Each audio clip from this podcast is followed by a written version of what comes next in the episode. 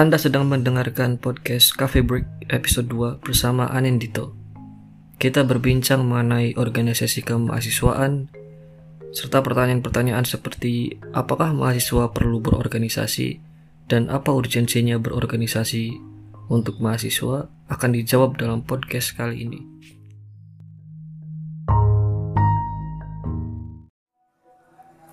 Oke, selamat datang di podcast Jordan's Journey dalam sesi Coffee Break dan kali ini saya ditemani sahabat saya. Kita berproses berapa tahun ya? Dua tahun lah ya kira-kira ya. Ya. Namanya Dito. Halo. Nah, silakan Dito. Ye. Nah, jadi kita tuh mau ngobrol-ngobrol soal pengalaman organisasi dan pentingnya ikut organisasi nih sebagai mahasiswa gitu. Emang masih penting ya? penting, penting, penting, Penting, Sepertinya penting. Nah, eh, untuk diketahui terlebih dahulu, Dito itu nama nama lengkapnya nih Dito lah ya. Iya, iya. Bebas lah. Dan itu mas-mas biasa. Jadi kalau di apa namanya tingkat mahasiswa itu organisasi itu dibedakan jadi dua ya, ada eksternal sama internal gitu. Jadi internal itu organisasi yang inherent ada dalam kampus seperti itu. Nah kalau di UNS itu banyak kayak kita punya apa namanya itu ILC, ILC. terus apa lagi itu kita punya CLS ya, eh bener gak sih? Hmm. Kita juga punya apa? Ya, Eh, yang mesti ada kan ada kayak BEM gitu. BEM, DEMA gitu-gitu, terus Novum, pepersnya itu. Nah, kalau eksternal itu itu organisasi mahasiswa juga yang dia itu bergerak di luar kampus gitu. Jadi banyak ya untuk diketahui kayak GMNI, lalu kemudian ada HMI, ada PMI juga. Nah, kalau Mas Dito ini atau Anen Dito ini, beliau itu atau dia itu ya, beliau bangsat. Apa? dia ini apa namanya itu di HMI. HMI itu himpunan mahasiswa Islam. ya. Kebetulan terjerumus di HMI. Nah, sejak tahun 2000 2015. 2015 ya. Untuk CV-nya sendiri kalau Dito itu di internal dia ikut BKKT BKKT itu kayak kesenian gitu ya di UNS. Jadi dia tuh mahasiswa UNS Universitas 11 Maret itu dan dia juga pernah gagal jadi Dema ya. Beda itu itu informasi yang sangat penting ternyata. Dia pernah gagal jadi Dema. Nah, itu itu kita bisa lihat kapasitasnya sebenarnya nggak mewah-mewah banget juga. Sebenarnya salah kalau Jordan mengundang saya dalam kali ini. Tapi by the way, dia itu eh, apa ya istilahnya itu organisasi luarnya atau eksternalnya itu kita bisa lihat lah ya eh, sepak terjangnya, cia sepak terjang anjay. Itu dia pernah jadi ketua umum HMI komisariat, jadi komisariat Fakultas Hukum, dia itu jadi ketuanya gitu. Lalu kemudian setelah dari HMI komisariat itu dia naik ke cabang menjadi kabid kabid KKP ya? KPP. Eh KPP anjir KKP KKP korupsi. korupsi.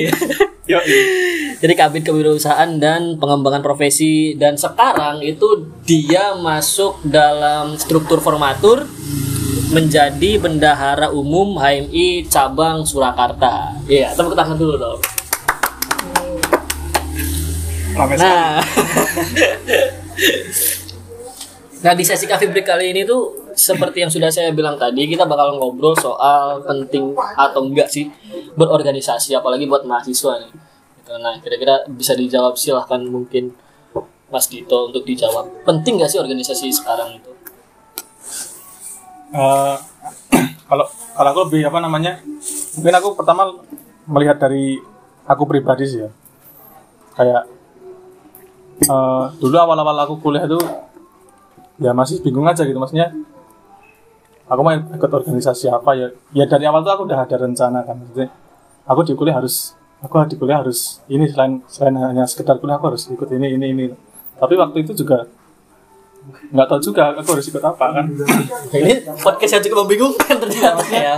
Bener. Iya betul. Makanya jadi dulu tuh aku ikutnya akhirnya yang bukan ke konsennya bukan di organisasi lebih ke kegiatan gitu kan akhirnya kan aku dulu awal itu ikutnya UKM Oh, UKM. jadi sebelum ikut UKM itu aku dulu sempat ikut karate kan Oh, oh. Iya, iya. ya setidaknya aku Di UNS juga ada Kempo juga. ya Kempo, karate. Kembo itu kan Wushu ada nggak sih? Nggak ada. usul nggak? Oh. ya itu makanya kan akhirnya karena dulu bingung mau ikut apa yang setidaknya ketika aku di universitas itu nggak hanya sekedar kuliah akhirnya kan aku cari kegiatan-kegiatan. Hmm. akhirnya aku dulu ikutnya itu karate. Tapi biasanya kan kalau semisal anak-anak yang ikut organisasi itu dia ayah sama ibunya itu dulunya itu anak organisasi betul juga. betul Nah, Kau juga anak organisasi juga orang tuamu itu. nah itu. Aku tuh nggak ada background organisasi. Oh, dari ayahku dari dari bapakku dari ibuku tuh. Bukan yang pas waktu mahasiswa mereka aktif di organisasi enggak bahkan aku di SMA pun juga nggak ikut organisasi juga Cum- cuman ikutnya ekstrakurikuler tapi enggak tapi ketika daftar osis pun juga dulu nggak keterima aku juga oh. Ya kan? mengenaskan sekali. makanya Oke, tapi itu prosesnya, itu bagian dari Itu proses. bagian dari proses. Itu bagian dari proses dia ditolak Sebenarnya- jadi OSIS, dia juga ditolak jadi DEMA juga dan langsung jadi apa ketua umum, ketum dari apa Kom FH, Komisariat Fakultas Hukum. jadi kendalaku kendalaku sebenarnya ini sih di usaha sih. Usahaku masih kurang. Maksudnya Oh, maksudnya sebenarnya aku ada keinginan untuk aktif di organisasi ingin ikut organisasi maksudnya setidaknya ya bisa apa namanya belajar selain hanya belajar di bangku sekolahan mesti juga ada. Ya organisasi kan aku lihat kupikir akan banyak ada sesuatu di sana kan oh ada Ya, skill tambahan Ah, ya, yang kita nggak dapat dari sekitar ingin kuliah. tapi ketika akan bergabungnya usahanya kurang jadinya ya sering gagal itu tadi Oke, oke. Ya karena memang kita bicaranya soal karir dalam internal itu siapa Mas Dito ini karir di internalnya itu sangat-sangat berantakan. Jadi kita langsung saja Nah. pada karir eksternalnya ya. Pada karir ketika dia di HMI. Jadi HMI betul for your information dulu, jadi Mas Dito itu adalah eh, ketua umum dari HMI cabang komisariat angkat tahun berapa ya? 2016 2017 2016 2017 itu tahun-tahun di mana aku juga jadi anggotanya ya. Jadi kabitnya lah ya, salah satu salah satu strukturnya lah gitu. ya betul betul Gitu. Nah, bagi saya itu kenapa harus harus banget untuk apa namanya itu eh, ngobrol bareng podcast ya gitu dengan Mas Dito itu karena ya dia itu aku ngelihat itu sosok ya pemimpin yang pas gitu artinya itu gimana ya enggak cok beneran kayak aku udah udah di organisasi kan udah lumayan lama juga ya. Maksudnya itu ngelihat orang-orang yang memuakan gitu. Ya. kayak orang yang jadi ketua tuh biasanya memuakan atau yang merasa lebih tua yang derajatnya ngerasanya itu derajatnya lebih tinggi gitu. Betul betul. Uh kita tuh harus menghormati dia punya marwah gitu. Marwah tai kucing itu bagi gue itu itu memuakan sekali ya gitu dia punya derajat yang lebih tinggi merasa kayak gitu. Dan dia harus dihormati gila hormat. Ya bagi gue orang-orang kayak apa namanya itu Tum Dito atau Mas Dito. Sampai sekarang tuh by the way aku masih manggilnya dia ketum ya ketua umum ya. Artinya itu emang kita everlasting loh Wah, itu jadi sebagai ketua umum tuh emang everlasting ya gitu. Karena dia itu eh, apa namanya itu nggak pernah jaga jarak dengan anggotanya gitu dengan strukturnya gitu. Dia nggak pernah kayak sok-sok apa namanya itu membuat citra dirinya menjadi sok-sokan keren, sok-sokan punya derajat dan lain-lain itu nggak pernah. Jadi baik sama strukturnya sendiri atau sama anggotanya dia itu selalu ya friendly lah gitu. Slow, kalem kayak gitu dan nggak pernah ya menjaga citra-citra gitu. Itu yang bikin dia itu menjadi sosok yang tanpa harus dia menyatakan bahwa dia itu adalah ketua, kita menghormati dia dan kita mengakui dia sebagai ketua secara sukarela. Itu diskursusnya tuh di situ. Eh dengerin ya bangsat itu kalau mau jadi ketua tuh kayak gitu, cok. Jadi nggak usah sok-sokan sok-sok keren sok apa enggak. Nah. Biasa aja gitu dan orang tahu gitu kalau misal dia kapasitasnya sebagai ketua pasti akan menghormati gitu. Nah, sebenarnya itu ya citra yang aku bangun sih anjay. Enggak. Ya, paradoks ya jadinya. Paradoks. Anjay. Enggak, anjay. enggak, Tapi ya jangan terlalu memanja lah lapor polisi aja. Ya tapi gimana sih cerita sampai kau tuh bisa apa ya masuk ke HMI gitu? Artinya itu masuk ke eh, apa eksternal itu gimana ceritanya? Apa dibawa ke dibawa temen atau dijebak? Oh malah gitu futsal ternyata diajak LK atau gitu. ini sih tadinya kan sebenarnya aku tuh apa tahu HM itu bukan dari siapa-siapa tapi aku lihat dari dari TV Oh dari TV. Dari Luar TV. biasa. iya dari TV loh Risetnya sampai ke TV loh bu. dari TV jadi waktu itu kan kebetulan udah kebetulan kan waktu itu aku lagi pulang ke Magelang lagi pulang ke Magelang lagi di kamar tiba-tiba bapakku manggil. Manggil aku buat ikut nonton TV sama dia. Ternyata yang lagi ditonton itu acaranya eh, ulang tahun HMI waktu itu Hmm. di TVRI ketika itu ketua umum pusatnya tuh ini Kanda Arif Rosid Oke. Kanda Arif Rosid nah itu waktu itu melakukan sambutan. Dia jadi Mas Arif Rosid itu kan dokter ya Hmm. jadi dia jadi ketua umum HPB HMI waktu itu nah setelah dia sambutan pun juga ketika dia sambutan kan akhirnya juga ditayangkan kan siapa saja yang hadir dalam acara Kalewalan ternyata ada Yusuf Kala ada siapa Siapa? ketua Golkar itu siapa Siapa eta? Akbar Tanjung Oh iya, Akbar Akbar Tanjung. Tanjung. terus banyaklah petinggi-petinggi negara yang pada saat itu di acara itu hadir dalam acara hari ulang tahun HMI waktu itu nah kalau aku ya waktu itu bapakku ya menyarankan aja kalau misalnya di Solo ada HMI cari-cari aja ikut ini HMI Oh, gitu. oh Bapakmu berpikiran pendek sekali ya, seolah-olah kalau ikut HMI jadi orang kayak gitu gitu. Atau gimana tuh? enggak sih Enggak, oh, Ya, enggak. maksudnya waktu itu kan ya bapakku tahu kan aku waktu itu juga belum ikut organisasi juga kan Oke. maksudnya enggak waktu itu aku juga sering cerita aku sama bapakku itu sering cerita kalau aku Oh, di kampus itu enggak. Belum ikut apa apa BEM pun aku juga enggak belum tertarik. Terus UKM UKM oh, organisasi organisasi juga belum tertarik. Makanya dia menyaran, menyarankan aja ikut aja HMI kalau misalnya ada. Oke, oke. nah akhirnya aku itu masih tahun 2000 14 mungkin. 14 mungkin. Awal-awal kan. Awal atau enggak 15 akhir 15 awal akhirnya aku kembali ke pas ketika aku di Solo aku sama teman kosku hanya muter-muter kan. Nah kebetulan di itu apa jalan kabut ya. Hmm, nah, itu kan ada gedung terus ada simbol HMI gede banget kan itu. Hmm. tulisannya HMI oh jangan-jangan HMI tempatnya di sini di Solo. Tapi waktu itu ada pada tapi waktu itu aku belum langsung apa namanya masuk ke situ kan. Maksudnya belum mau tanya-tanya dulu cuman sekedar tahu oh ternyata di HMI ada Solo apa di Solo ada HMI ya. Nah aku cerita sama dua temanku namanya Ramadan sama Usep kan waktu itu nah akhirnya yang malah duluan mendatangi gedung itu untuk sekedar tanya-tanya itu akhirnya si Ramadan sama Usep Oh, Hmm, mereka yang tertarik awal malah. Iya, ya aku cerita pun akhirnya mereka tertarik gitu. Oh, Oh iya, kayaknya HMI kan namanya himpunan mahasiswa Islam kan. iya. Oh, kau Islam berarti? ya? Islam, alhamdulillah Islam. ya waktu itu kan kami orien- orientasinya pengen belajar ngaji. Iya, oh, luar biasa memang. Luar agamanya kuat seperti itu. Harusnya mondok, Pak. Salah. Ini salah, semua itu salah. Benar, benar. Oke, oke. Lanjut. Habis itu akhirnya yang mencari informasi terlebih dahulu dua temanku tadi itu. Nah akhirnya malah yang ikut duluan si Ramadan itu temanku yang namanya Ramadan itu akhirnya dia masuk duluan. Aku malah LK kita bareng kan ya, perasaan ya? LK kita enggak duluan aku. Oh iya, ding. Aku jadi panitia Oh iya, ding. itu. Sorry, sorry, sorry. Lanjut, lanjut. Ya, Oh, kau sama Nobel berarti? yang sama Nobel itu Ramadan itu. Oh, awal-awal. Ah, awal-awal kan. Oke, kita lupakan ya itu siapa. Pokoknya itu intinya itulah ya. Iya, iya, iya. Saya tahu lah itu siapa lah. Yang penting kan aku. Heeh, bener, bener emang. Soalnya kan aku waktu itu masih ada kegiatan apa? Ya itu di karate tadi itu. Makanya kan aku pending dulu untuk masuk ke HMI-nya. Oh, Nah, oke. Jadi selang beberapa waktu jadi waktu itu niatku untuk ikut HMI pun akhirnya lama-lama juga sempat ini, sempat kendor. kenapa itu? Ya udah udah terlalu lama kan sebetulnya. Udah terlalu lama terus ya waktu itu aku pengennya gabut aja waktu itu. Oh, Tapi akhirnya aku ketemu Ramadan lagi.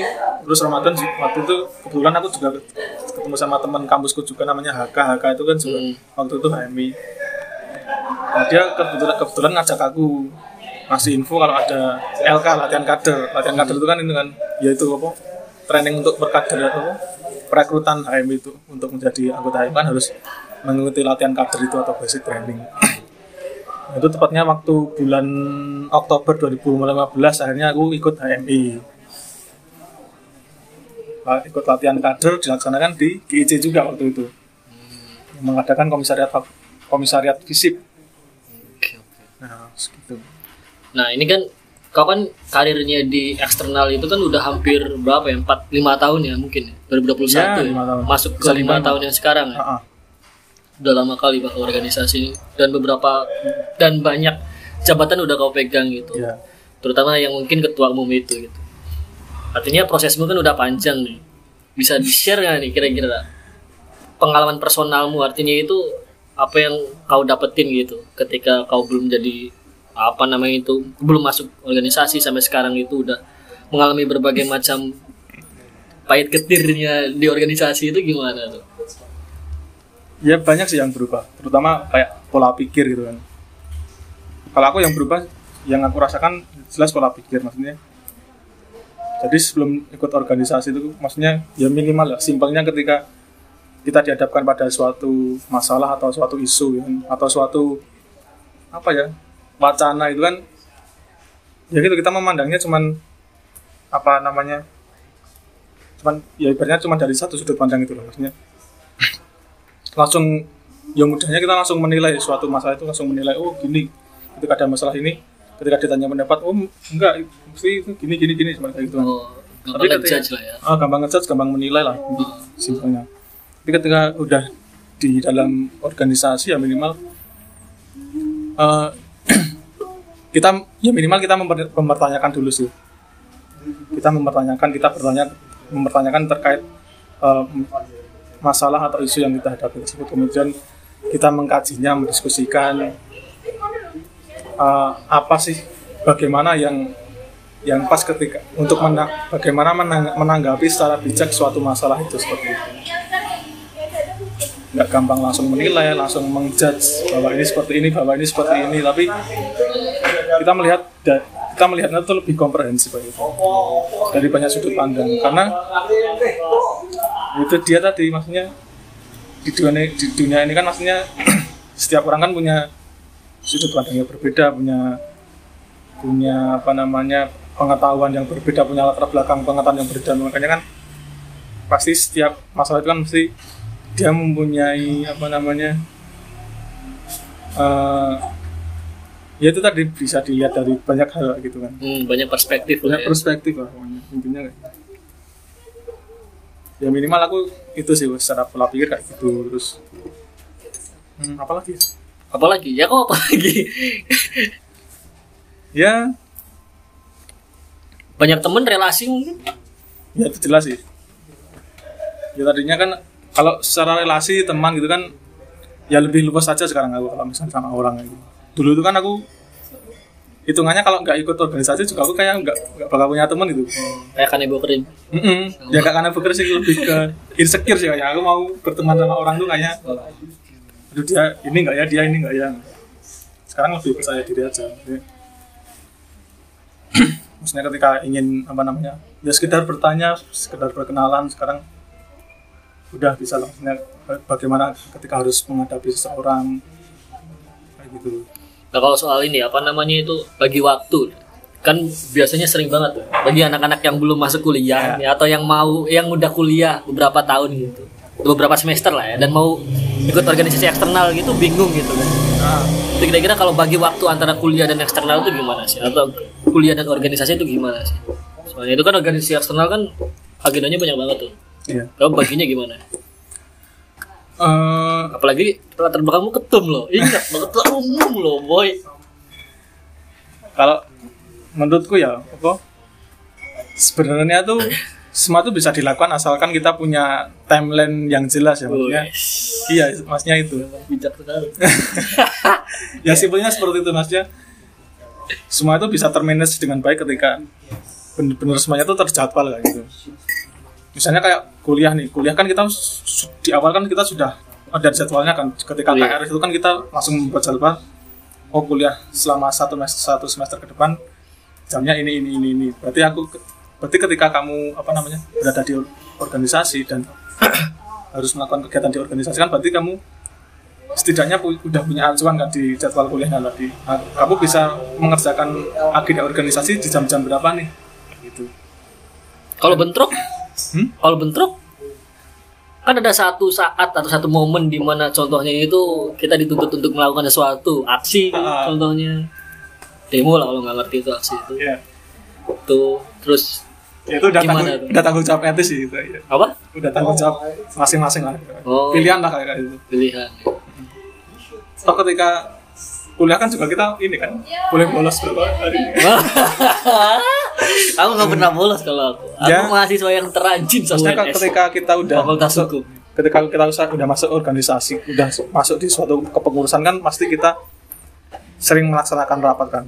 Ya di awal pun kita juga di awal-awal pengurusan juga mengadakan rapat yang di mana eh, rapatnya itu juga ini mempertim apa namanya membahas kegiatan-kegiatan apa yang kita lakukan dalam satu kepengurusan ke depan Hmm. Nah itu kan pasti kita membahas secara waktu waktu kegiatannya, terus apa-apanya yang apa yang dipersiapkan dalam melakukan kegiatan-kegiatan atau program kerja tersebut. Nah, itu kan bisa disepakati disepakati ketika rapat ya, maksudnya supaya tidak bentrok dengan eh, jam-jam kuliah apa namanya kepengurusan orang-orang setiap setiap setiap pengurus itu kan bisa ditentukan di situ juga. Normatif kali bah jawabannya. Ya itu Apa nih iya. jawaban normatif kayak gini nih? Tidak buka-buka. Ya Soalnya kalau- gini aja deh. kalau ditanya gimana biar bisa apa namanya gimana biar bisa termanage dengan baik ya kayak gitu tapi kan dalam kenyataannya kan mesti tetap nggak mungkin kan Iya, mesti banyak yang mundur banyak yang males-malesan juga Iya memang. banyak yang harusnya dilaksanakan segini tapi hanya karena banyak masalah atau ada ada yang gini gini akhirnya apa Akhirnya kita harus punya skala prioritas juga sih. Ya. akhirnya punya, harus punya skala prioritas juga akhirnya harus memilih juga harus ada yang dikorbankan juga Nah, uh. seperti itu akhirnya Dan artinya sebenarnya tuh kalau kita berorganisasi yang beneran maksudnya itu, kita juga bisa belajar untuk bisa menentukan skala prioritas itu tadi dengan argumentasi yang rasional tuh. Ya, ya. Dengan cara apa istilahnya berpikir dulu lah gitu. Mm. Dan itu sepertinya tidak didapat dari organisasi yang lain maksudnya organisasi Ya. internal gitu. Kalau internal kan udah jelas timelinenya tuh udah jelas gitu Ya, setelah ya, kuliah, setelah pulang kuliah gitu. Ah, ah. Kalau kita itu kan bukan kita, maksudnya kalau eksternal itu kan sampai larut pagi bahkan masih diskusi kadang-kadang. Bukan kadang-kadang seringnya kayak gitu. Soalnya kan ya itu skala pri- skala prioritas tadi. Soalnya kan mau nggak mau kan akhirnya kegiatan organisasi harus menyesuaikan jadwal di kampus juga kan. Nah, kalau pertanyaannya gini, perbedaan mendasarnya apa sih atau apa sih yang kau rasain itu ketika jadi anggota biasa atau sekarang itu jadi apa ya kabit-kabit kayak gitu-gitu sama-sama jadi ketum tuh kayak gimana perbedaannya? Nah, kalau jadi kalau jadi anggota kan berarti ya kita cuman berproses sebagai anggota ya maksudnya kita di kader, kita diajarin, kita dijaga sama pengurus-pengurus. Di kader tuh diapain sih? Kadang-kadang tuh orang tuh kayak takut aja gitu denger kata kader itu takut di brainwash mungkin dan lain-lainnya itu kader tuh orang-orang mungkin pikirannya kayak gitu di kader tuh diapain gampangnya Sebelumnya kader itu apa? ya aku nggak tahu apa di kader tuh apa karena aku bukan orang uh, organisasi apa bente ngurus gua? Kader itu kan kalau kata siapa? Orbi. oh. Orbi.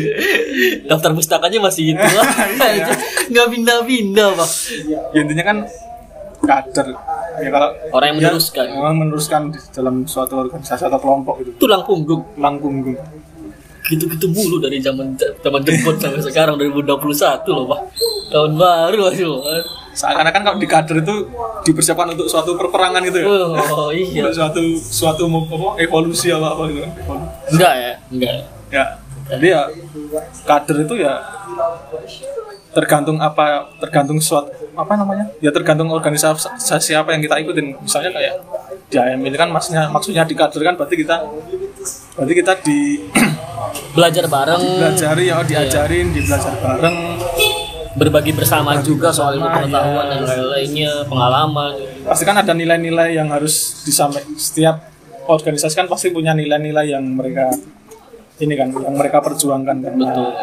kita belajar nilai-nilai dari HMI belajar ya belajar, belajar semuanya lah belajar ya belajar berorganisasi belajar terkait nilai-nilai dalam HMI belajar apa namanya tadi ber, ya banyak lah ber- berargumen Oke. Nah, pertanyaan akhir-akhiran nih. Selama perjalanan karirmu di organisasi itu hampir lima hampir lima tahun ya, lima tahun itu. Itu kira-kira tuh hal apa yang paling berkesan gitu selama perjalanan apa organisasi itu? Yang kau tuh nggak bisa ngelupain gitu. Entah ketika dipilih jadi ketum gitu, wah saya senang sekali kalau jadi ketum. saya ingin jadi ketum seterusnya. ya apa? iya sih pasti Oh iya berarti pengen ketemu terus berarti. Ngeri kali pak. Padahal ketum itu di depan dia juga kena juga di belakang juga pasti dia kena juga. Dia orang yang berkorban. ya banyak sih yang berkesan Pak. salah satunya itu ketika jadi ketua umum itu kan kenapa berkesan ya itu pertama kalinya dalam seumur hidup aku mempunyai status sebagai ketua kan gitu ya seperti yang aku ngomong tadi kan di SMA pun aku nggak pernah berorgan- berorganisasi di kuliah pun berorganisasi di HMI ini.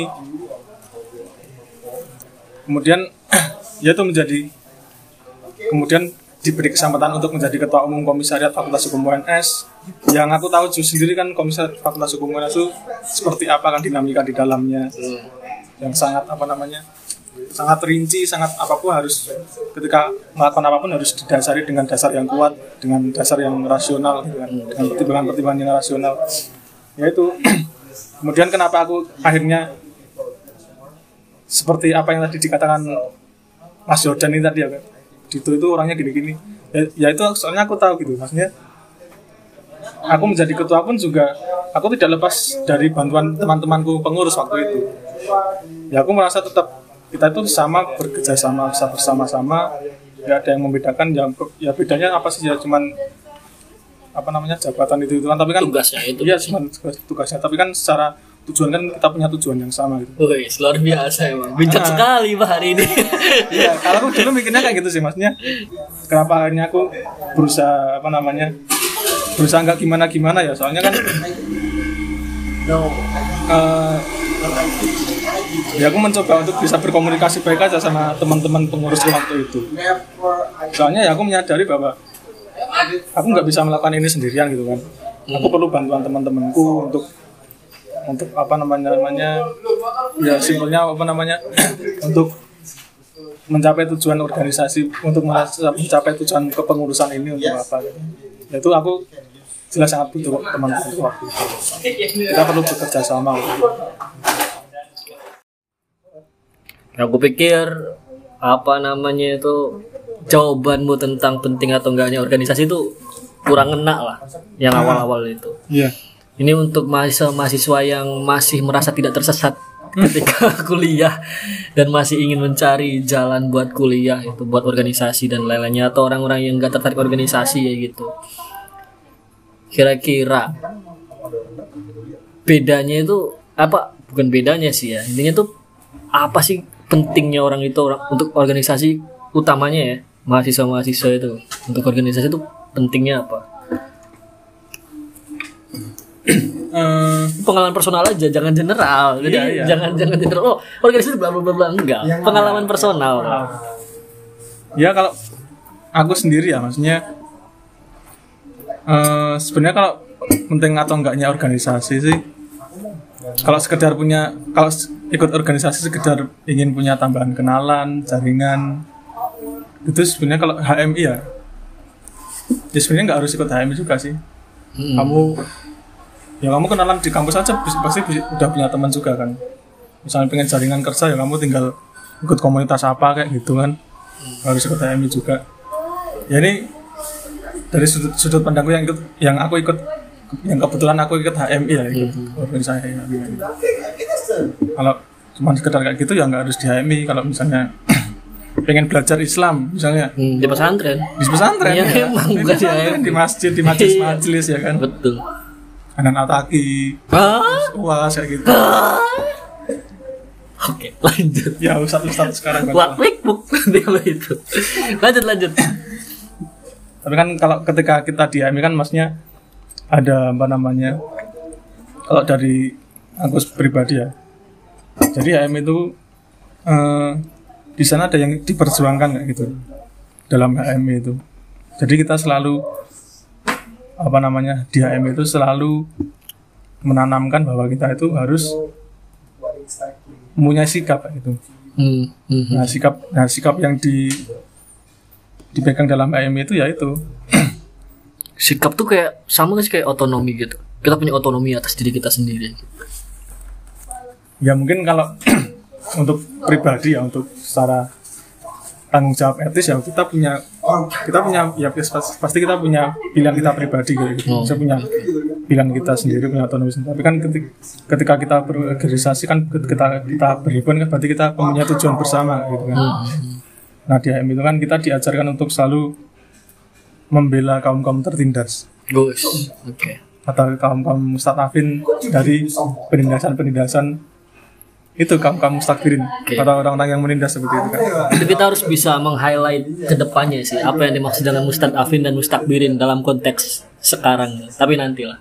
Oh, ya. Di podcast ke depannya lanjut lanjut. Oke, itu sih maksudnya kita punya tanggung jawab di situ seperti. itu. Jadi ya kembali lagi kan HM itu kan organisasi mahasiswa. ya. Jadi mahasiswa mahasiswa akhirnya tidak hanya sekedar memikirkan dirinya sendiri, memikirkan perkuliahannya, memikirkan besok dia mau kerja jadi apa. Jadi ya kita sebagai mahasiswa itu ibaratnya kita mempunyai mempunyai privilege gitu. Oke. Iya nggak sih? Iya, Ya, betul. privilege. Nggak semua orang bisa kuliah. Mm-mm. Nggak semua orang bisa jadi mahasiswa. pun ketika kita jadi mahasiswa kan kita juga punya akses untuk menyambungkan dari rakyat ke apa Oh, lidah rakyat dari, ya. bisa menyambungkan lidah rakyat ke penguasa. Oh, Oke, wah. Mantap ya kali, Pak. salah satu tanggung jawab mahasiswa kan seperti itu. Itu tanggung jawab moral dan tanggung jawab etisnya kayak gitu.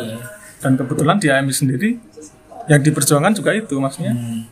Kita sebagai mahasiswa ya nggak hanya sebagai mahasiswa aja kita ada sesuatu yang diperjuangkan. Makanya kita sering sering ada diskusi-diskusi yang sekiranya kita membahas misalnya ada suatu kebijakan yang merugikan masyarakat kayak gitu kan ya kita perlu ya itu hal-hal seperti itu perlu dikaji kayak gitu kan. Merugikannya merugikannya di bagian mana terus lalu apa yang harus kita lakukan kayak gitu kan. Ya mungkin nanti bisa melakukan audiensi atau melakukan mengeluarkan rilis atau bahkan kita bisa melakukan aksi dengan turun ke jalan kayak gitu. Ya itu salah satu bentuk perjuangan kita atas apa namanya tadi perjuangan kita membela orang-orang yang tertindas tadi atas kebijakan-kebijakan yang mungkin kurang sesuai Oke. atau kebijakan-kebijakan yang Kurang tepat. kurang tepat dan merugikan masyarakat yang dikeluarkan oleh para pemangku jabatan oleh orang-orang yang membuat kebijakan tadi itu. Oke. Itu sih. Itu aja. Ya itu kemen- akhirnya kenapa ya itu dari kacamataku sendiri ya kenapa akhirnya aku ikut organisasi ternyata tanggung jawabku itu tidak hanya untuk diriku sendiri kayak gitu. Wes. Betul kali, Wah. Nggak lanjut, lanjut. Bener. Iya. Ya aku nggak tahu bener atau enggaknya, tapi Ya, sounds cool aja. lanjut. ya itu akhirnya, yang terbuka dari diriku ya itu sih. Ternyata aku nggak bisa harus aku nggak bisa kalau aku cuman hidup untuk diriku sendiri. Oke. ya bahkan ketika kita nggak harus turun nggak harus sampai ke masyarakat pun kita juga berhimpun kan akhirnya kita juga berhubungan dengan orang lain kan Yes, course. kita perlu apa namanya ya perlu lah mengetahui latar belakang mau bagaimana menanggapi setiap orang kan beda beda Benar benar. Menarik kali, Pak. Itu udah. ya sebenarnya klise sih maksudnya organisasi itu menambah apa namanya apa jenis skill, skill Iya, ya skill. Iya. soft skill soft Iya, skill, soft ya itu skill. ya benar ya itu tergantung nanti kembali ke kita masing-masing soft skill apa yang kira-kira bak- bakal kita apa namanya Bener sih. bakal kita latih di suatu organisasi itu Jadi sebenarnya jawabannya klise untuk menambah soft skill tapi kan soft skill itu kan akhirnya menjadi beda ketika kita berada di tempat yang berbeda ketika kita punya orientasi yang berbeda Wes. Mantap kali, Bah. Anendito for you. Para pendengar podcast Jordan Sulmi. Itu? Dan Ya, lagi? ya sementara ini dulu Oke, jadi kita bisa tarik kesimpulan ya teman-teman. Jadi artinya itu kita berorganisasi, terutama nih untuk orang-orang yang belum pernah berorganisasi dan masih muda, cari organisasi yang ada di kota kalian atau teman-teman terdekat kalian ya. Karena penting kali ternyata organisasi. penting kali Maksudnya itu artinya itu walaupun kalian itu terutama orang introvert sih. nah. Gak mungkin juga soalnya orang-orang introvert itu. Silahkan cari organisasi artinya itu organisasi yang sesuai dengan minat dan passion Nah, kalian masing-masing. Dan dan di situ seperti yang tadi Mas Dito bilang kita akan menemukan apa namanya itu uh, soft skill yang berbeda Ya. ketika orientasi dan tempatnya berbeda juga sesuai dengan minat dan kemampuan Nah, kalian. itu. Intinya itu ya Yang pentingnya di situ. berhimpun lah, berhimpunlah atau berorganisasi lah gitu. Atau berkomunitas lah, Berkomunitas lah, berkawan lah. eh, berkawan lah. Ak- ak- Akeh konco konco. gampang nanti ya gitu. Nah, itu aja yang bisa disampaikan sama Mas Dito. Ini kalau kalian pengen hubungin Mas Dito bisa dihubungi lewat Instagramnya apa? At anendito.si Oh, iya.